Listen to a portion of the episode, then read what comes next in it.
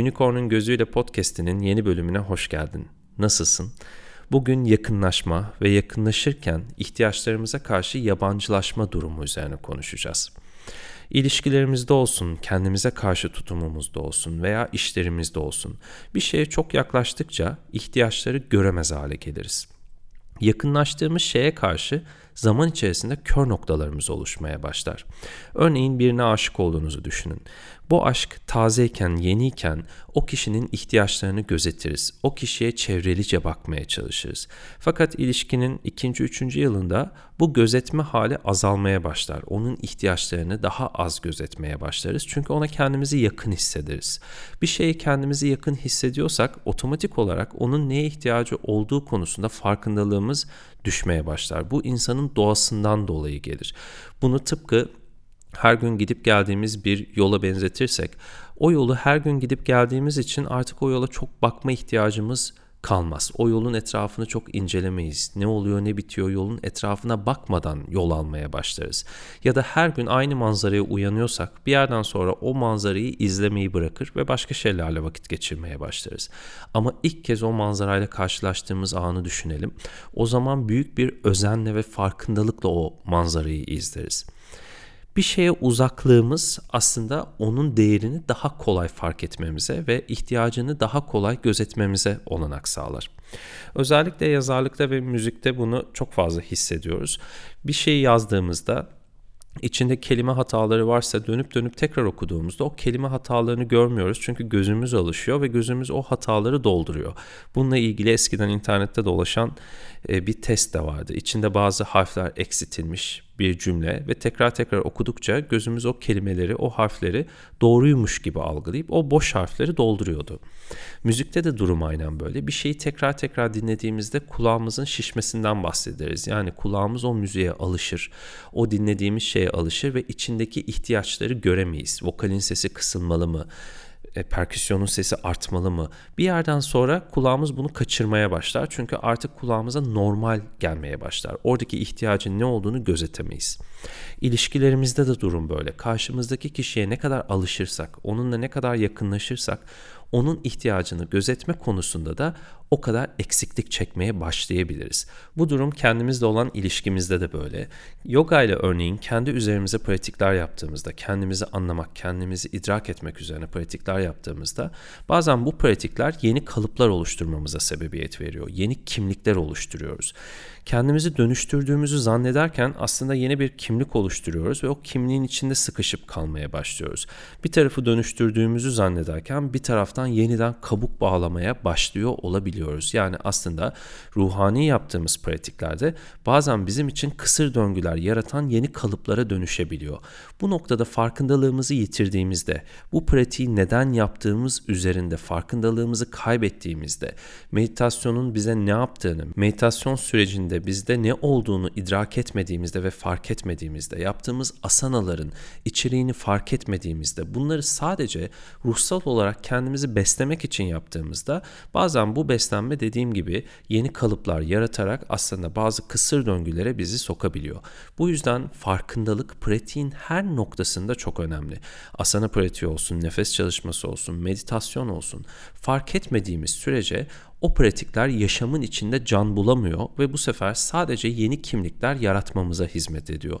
Tabii ki bu kimlikler eski kimliklere göre daha işe yarar kimlikler çünkü daha erdemli kimlikler fakat yine de ihtiyaçlarımızı karşılayamadıkça, ihtiyaçlarımızı göremedikçe, kendimize karşı kör noktalar oluşturdukça bu pratikler bile yetersiz kalıyor. İlişkilere geri dönecek olursak, karşımızdaki kişiyle bir ilişki kurduğumuzda onu her daim gözlemleme halinde olmalıyız. Her daim onun ihtiyacını fark edebilmeliyiz. Karşımızdaki kişiyle bir dans halinde olabilmek için, kusursuz bir uyum halinde olabilmek için devamlı farkında olmamız gerekiyor. Aslında bir ilişkiyi kusursuz yapan şey farkındalık.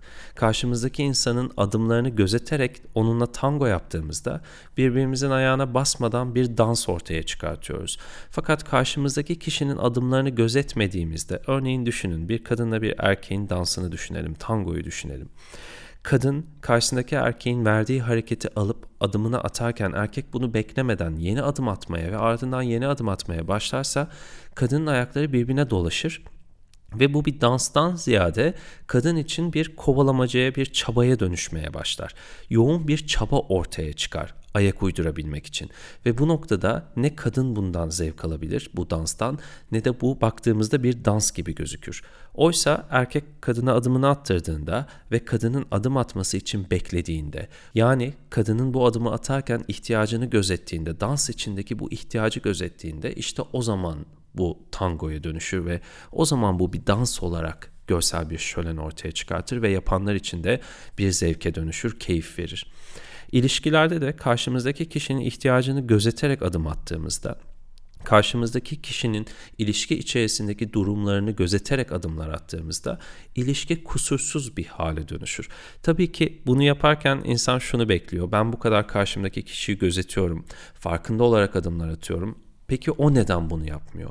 İşte bu noktada da beklentiler devreye giriyor. Beklenti olduğu sürece ilişkiler her zaman kusurlu olmak durumunda. Çünkü beklediğimiz şeyi karşı tarafa dayatmaya başlıyoruz. Bu noktada ihtiyaçlarımızı aslında kendimiz göremediğimiz için kendi ihtiyaçlarımıza karşı kör noktalarımız olduğundan yani kendi ihtiyaçlarımızı fark edemediğimizden karşımızdaki insanın bunu fark etmesini bekliyoruz. Aslında kendi ihtiyaçlarını gözeten birine dönüşebilirsek, kendi değerinin farkında olarak, kendi ihtiyaçlarının farkında olarak var olan birine dönüşebilirsek, karşımızdaki insana da yeterli alanı sağlayabilirsek bu noktada bu ilişkin içerisinde sadece sevme eylemi ortaya çıkabilir. Yani sadece sevgi için sevgi bu ilişkide mevcut olabilir. Elbette karşımızdaki insanın bizim ihtiyaçlarımızı gözetmesini beklemek anormal bir şey değil. Fakat bir kediyi, bir köpeği, bir papağanı düşünün. Sizin ihtiyaçlarınızı gözetmesi ne kadar mümkün? Size o alanı açması ne kadar mümkün? Siz ona elinizden gelenin en iyisini yaparak uyumlanıyorsunuz. Ondan hiçbir şey beklemeden, onun size göre adım atmasını beklemeden siz onun ihtiyaçlarını gözeterek adım atıyorsunuz. İlişkide ise bunu yapamıyor insan. İlişkide ise karşı tarafın da aynı özenle ve aynı farkındalıkla davranmasını bekliyor. Az önce de dediğim gibi bu çok doğal. Bunu beklemekte bir anormallik yok. Fakat bu beklentimizin ötesine geçebilirsek o zaman bütün ilişkilerimizde kusursuz bir şekilde kendimizi ortaya koyabiliriz ve sevme eylemini ortaya çıkartabiliriz. Gerçek sevgiyi yani koşulsuz sevgiyi deneyimleyebiliriz. Koşulsuz sevgi dediğimiz şey tıpkı bir annenin çocuğuyla olan ilişkisi gibi. Karşılık beklemeden, sadece sevmek için sevmek. Sevgiyi bu boyutunda deneyimlediğimizde, böylesine kalpten hiçbir beklenti olmadan karşımızdaki kişinin bütün ihtiyaçlarını gözeterek gerekli alanı sunabilecek kadar benliğimizde, yaşamımızda, kalbimizde yer açabildiğimizde o zaman o sevginin ortaya çıkarttığı his de daha önceki hissettiğimiz her şeyden bambaşka bir şekilde deneyimleniyor. Koşulsuz sevgi dediğimiz şey insanın içini gitgide büyüten, genişleten, insanın kalbinde daha da çok yer açan bir şey. Sevdikçe daha çok sevebileceğimiz bir yer açıyor. Sevdikçe daha çok anlayış gösterebileceğimiz, kabul edebileceğimiz, hoşgörü gösterebileceğimiz bir yer açıyor. İnsan gerçekten böyle sevmeyi başardığında işte o zaman bu sevgi aracılığıyla gönlünde her şeyi sevebileceği kadar geniş ve büyük bir yer oluşturabiliyor. Hani diyoruz ya yoga felsefesinde her şeyi aynı sevebilmek, her şeyi aynı özenle, aynı değerle sevebilmek. İşte bunu yapabilmemiz için önce o koşulsuz sevgiyi ortaya çıkarabilmemiz lazım. Önce beklentilerimizi ortadan kaldırarak, karşımızdaki her şeyin ihtiyacını gözeterek ona onlara yer açabilecek kadar, hayatımızda onların ihtiyaçlarını gözeterek adımlar atabilecek kadar farkında olarak hareket etme becerisini kazanmamız lazım. Bu farkındalık en zor olan kısmı. Çünkü insanın buradaki fark ettiği şey aslında etrafındaki her şeyi gözeterek adım attığında kendimizi de gözetiyor olmamız. Etrafımızdaki her şeyin ihtiyacını gözetebildiğimizde aslında her şeyin içinde kendimizi görüyor olmamız. Her şeyin içindeki kendimizin ihtiyacını karşılıyor olmamız, her şeyin içindeki kendimizi onurlandırıyor olmamız, her şeyin içinde kendimize bir alan yaratıyor olmamız, karşımızdaki kişinin ihtiyacını alan yarattığımızda aslında kendi alanımızı büyütüyoruz. İnsan bunu ilk başlarda yaptığında sanki karşısındaki kişi onun alanını kaplıyormuş gibi geliyor. Ama bir yerden sonra fark ediyorsun ki aslında kendi arazini büyütüyorsun, kendi kalbini, kendi alanını büyütüyorsun. Ve bu o kadar gitgide genişleyen bir alana dönüşüyor ki bir yer yerden sonra bu alan her şeyi kaplayabilecek hale geliyor. İlk başta sevmek insana sanki yorucu bir şeymiş, sanki kendinden verdiği bir şeymiş gibi gelse de koşulsuz sevgi deneyimlendiği an İnsan kendinden bir şey vermediğini anlıyor. İnsan kendi alanından bir şey kaybetmediğini anlıyor. Tam tersi Lego gibi her şeyle tek tek birleşmeye başladığımızı, bütünleşmeye başladığımızı ve bir araya gelmeye başladığımızı hissediyoruz. Bunu işlerimize karşı da yaptığımızda işlerimizde de aynı şey oluyor. Yaptığımız işle bütünleşmeye başlıyoruz. O iş bizim bir parçamız oluyor ve biz o işe dönüşmeye başlıyoruz. O işteki ihtiyaçlarımızı gözetebilmemiz için o işin içerisinde her daim yeni bir ilişki içerisindeymiş gibi olmamız gerekiyor. Hayat sana ne anlatıyor kitabımı okuduysan hatırlarsın. Diyorum ki bir şeyi tanıdığını zannedersen o şeye yabancılaşmaya başlarsın.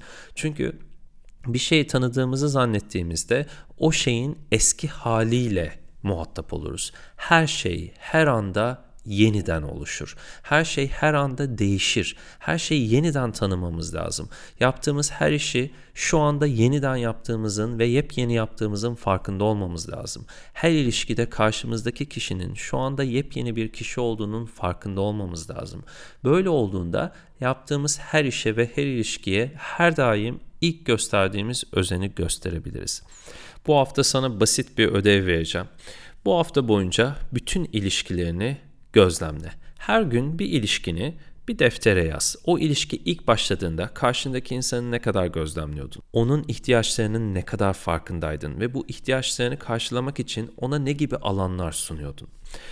Ve bunu yazdıktan sonra ardından şu anda ilişkin güncel olarak o kişiyle nasıl? Ne kadar onun ihtiyaçlarını gözetiyorsun? Ne kadar ona alan açabiliyorsun? Ve ardından bunu yaz. Sonra ise şunu yaz. O kişiye karşı ne beklentin var? Bu alanları artık sunmayı bıraktıysan hangi beklentilerini karşılamayı bıraktığı için ya da hangi beklentilerini karşındaki kişi karşılayamıyor olduğu için onun ihtiyaçlarını gözetmeyi bıraktın ve onun ihtiyaçları için gerekli alanları sunmuyorsun. Bugün bir ilişkide bununla ilgili cevapları verdikten sonra yarın yepyeni bir ilişkiyi seç, yepyeni bir kişiyi seç ve onunla ilgili de aynı farkındalığı kazan. Bunu tıpkı asana çalışmak gibi düşün. Her gün bir kişiyle olan ilişkin üzerinden bu farkındalığı ortaya çıkart. Yani karşındaki kişiyi gözlemleme kabiliyetini yeniden uyandır. Yeniden onun ihtiyaçlarının farkında olabileceğin alana geri çekilmeye başla. İkinci hafta boyunca da her gün kendini gözlemlemeye başla. Kendi ihtiyaçlarının farkında mısın? Bu ihtiyaçları cevaplıyor musun? Bu ihtiyaçların farkında değilsen ve kendini gözlemlemeyi bıraktıysan, belki pratikte kendini gözlemlemeyi bıraktın, farkında bile değilsin.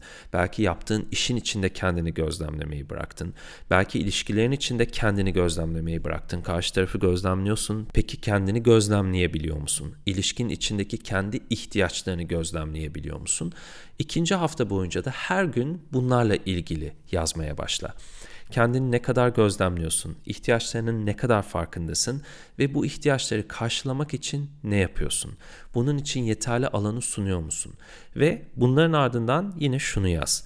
Bunları yapmıyorsan kendinden beklentilerin neler ve bu beklentileri karşılamadığın için, kendinden beklentileri karşılayamadığın için bunları yapmayı bırakmış olabilir misin? Örneğin yaptığın işte beklediğin kariyere ulaşmadığın için, beklediğin noktalara ulaşmadığın için, yapmakta olduğun işteki ihtiyaçlarınla ilgili farkındalığı bir köşeye bırakmış olabilir misin? Bunlarla ilgili yazmaya başla. Yani ilk hafta her gün bir ilişkim üzerinden yazarken ikinci hafta boyunca da her gün kendi ihtiyaçlarım üzerinden yazacağım. Kendimi gözlemleyeceğim. Bu sayede de kendimizi gözlemleme kabiliyetimizi yeniden uyandıracağız ve yeniden tonlayacağız. Belki kendini güzelce gözlemliyorsun ama belki kendine karşı körleştiğin noktalar var. Bu hafta bu önümüzdeki 14 gün boyunca bunlar üzerine çalışarak yeniden ihtiyaçları gözlemleme ve kendimizi gözlemleme üzerinde ve beklentilerimizi fark etme üzerinde farkındalığımızı artıracağız. Bu haftalık bu kadar. Bir sonraki bölümde görüşene kadar kendinin farkında ol. Bütün ilişkilerinin farkında ol. Her anının farkında ol. Namaste.